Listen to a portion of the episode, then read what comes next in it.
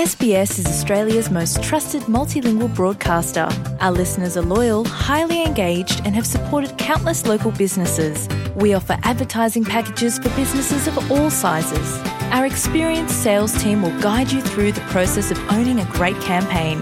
Bring your own ad or have our production team make you something in one of our 68 languages. Start the conversation with your new audience today. Email sales at sbs.com.au. Vi ste sa SBS-om na bosanskom. Pronađite još sjajnih priča na sbs.com.au kosacrta bosnijan.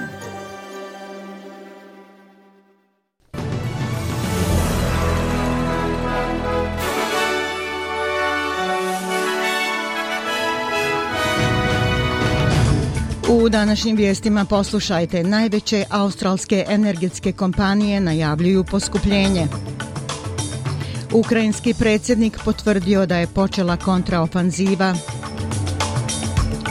I u futbalu Manchester City prvi put u historiji prvak Evrope. Snabdjevači električne energije AGL i Origin Energy potvrdili su da će se računi značajno povećati od jula. Poskupljenje su najavili zbog inflacije i većih veleprodajnih troškova na tržišne ugovore s promjenjivom stopom.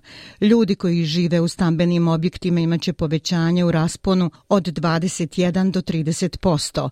Promjene će stupiti na snagu u Novom Južnom Velsu, Južnoj Australiji i Queenslandu od 1. jula, a u Viktoriji od 1. augusta.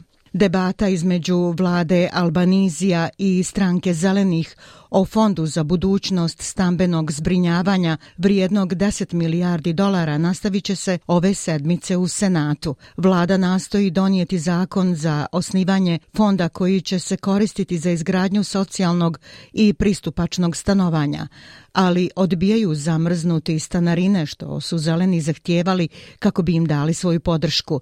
Ministrica stambenog sektora Julie Collins upozorila je da bi blokiranje zakona predstavljalo izdaju Australaca. Ona je za Sky News rekla da vlada pregovara u dobroj namjeri. Cijela poenta fonda je u neprekidnosti, tako da institucionalni investitori, pružaoci stambenih usluga u zajednici, imaju sigurnost da će ovo finansiranje biti dostupno svake godine kako bi se povećala ulaganja i dobilo više domova na terenu.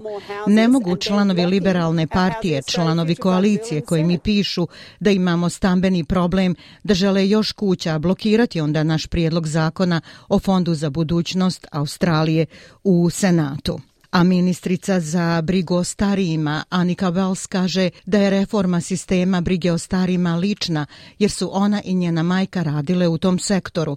Gospođa Wells kaže da je još jednom uvidjela probleme kada se vratila u ustanove nakon što je postala ministrica. Ona je za ABC rekla da postoje različiti modeli iz različitih zemalja koje treba uzeti u obzir, ali generalno gledano radna grupa za brigu o starijima mora obaviti više posla. Mislim da je ono što nam treba da ljudi iskreno osjećaju da imaju izbor. Da li je to izbor da ostanu kod kuće što je duže moguće ili je to izbor da uđu u određeni model rezidencijalnih ustanova za starije. Postoje neki inovativni modeli u drugim zemljama koji počinju stizati u Australiju, ali kako napraviti postavke politike koje podstiču ulaganja? Vijesti iz svijeta. Bivši američki predsjednik Donald Trump iskoristio je svoje prvo pojavljivanje u javnosti nakon podizanja savezne optužnice protiv njega da intenzivira napade na Ministarstvo pravde. Trump je optužio tužioce za politički motivisanu kampanju da ga drži dalje od Bijele kuće. Kaže da je predsjednik Biden orkestrirao krivične prijave protiv njega kako bi potkopao predsjedničku kampanju svog glavnog političkog rivala. Smiješna i neutemeljena optužnica protiv mene od strane naoružanog odjela za nepravdu Bidenove administracije biće među najstrašnijim zloupotrebama moći u historiji naše zemlje. Mnogi ljudi su to rekli, čak i demokrate. Ovaj opaki progon je izvrdavanje pravde. Biden pokušava zatvoriti svog vodećeg političkog protivnika koji ga puno pobjeđuje u anketama. Ministarstvo pravde pak tvrdi da se sve njegove istražne odluke donose bez obzira na stranačku politiku, a gospodin Biden je rekao da se neće miješati u istragu. Ukrajinski predsjednik Zelenski kaže da su u toku kontraofanzivne i odbrambene akcije protiv ruskih snaga. Kaže da su njegovi vrhovni komadanti pozitivnog razmišljanja, dok se njihove trupe upuštaju u intenzivne borbe duž linije fronta. Ukrajinski lider je odgovorio na pitanje o komentarima ruskog predsjednika Putina da je počela ukrajinska kontraofanziva i da ukrajinske snage snose značajne gubitke. Zelenski je potvrdio da se operacija odvija. Važno je da Rusija to uvijek osjeća, da ovo neće dugo trajati, kako ja mislim.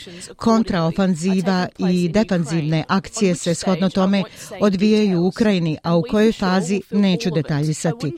Mi ćemo sve to osjetiti. Ne bih vjerovao u TV kanalima Telegrama, a posebno Putinu, pošto je bilo mnogo koraka i informacija kojima nismo mogli vjerovati. Mislim da treba vjerovati našoj vojsci. Svi su pozitivni, prenesite to Putinu. A kanadski premijer Justin Trudeau nalazi se u posjeti u Ukrajini, postavši prvi strani lider koji je to učinio nakon razornih poplava uzrokovanih probijanjem brane na Dnjepru.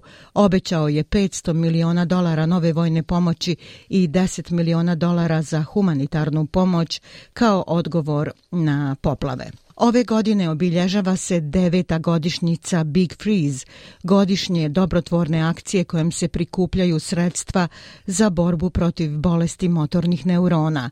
Godišnja utakmica EFL-a održava se sutra na kraljev rođendan i predstavlja veliku akciju prikupljanja sredstava za istraživanje ove bolesti. Vodi ga bivši igrač Essendona i trener Melbourne Demonsa Neil Daniher koji je svoj život posvetio pri prikupljanju novca i podizanju svijesti o toj bolesti od kako mu je diagnosticirana 2013. Mnogo je australskih poznatih ličnosti uključenih u akciju kao što su teniski šampioni Ash Barty i Leighton Hewitt, futbalska zvijezda Sam Kerr i olimpijski prvak Stevie Moneghetti. David Nic je bio kapetan Melbourne Demonsa dok je gospodin Daniher bio trener i rekao je za Kanal 9 da je bilo teško pronaći informacije kada mu je bolest prvi put diagnosticirana.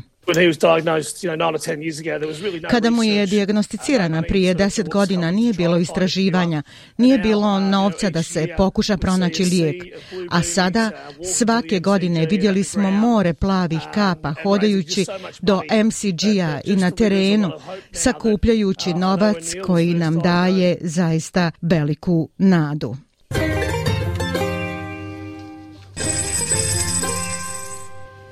Prema kursnoj listi, australski dolar danas vrijedi 0,67 američkog dolara, 0,63 eura, 0,54 britanske funte te 1,22 bosanske konvertibilne marke.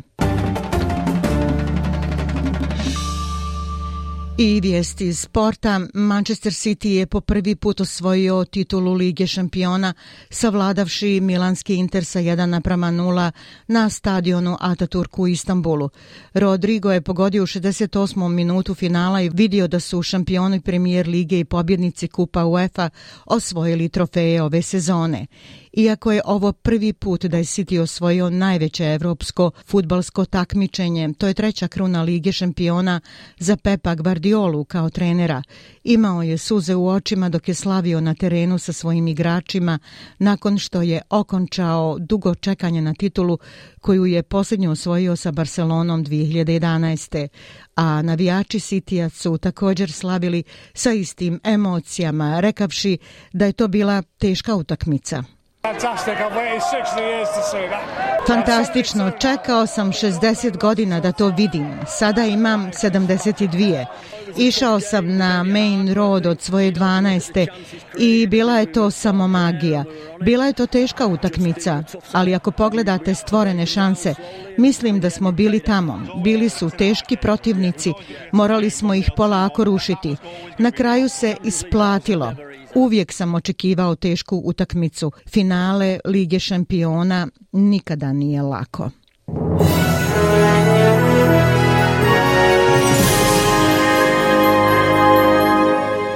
I za kraj vijesti poslušajte temperaturne vrijednosti za veće gradove u Australiji. U Pertu pljuskovi 17, u Adelaidu oblačno 18, u Melbourneu dijelimično oblačno 16, u Hobartu 17, u Kamberi 14, ali u Sidneju je sunčano 18, u Brisbaneu također sunčano 24 i u Darwinu sunčano 33 stepena. Bile su ovo vijesti SBS-a na bosanskom jeziku. Ja sam Aisha Hadži Ahmetović. Ostanite i dalje s nama.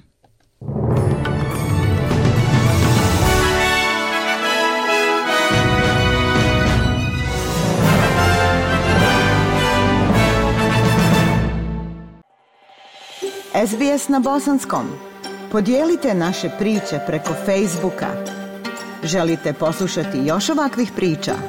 Slušajte preko Apple podcasta, Google podcasta, Spotify ili kako god da primate svoje podcastove.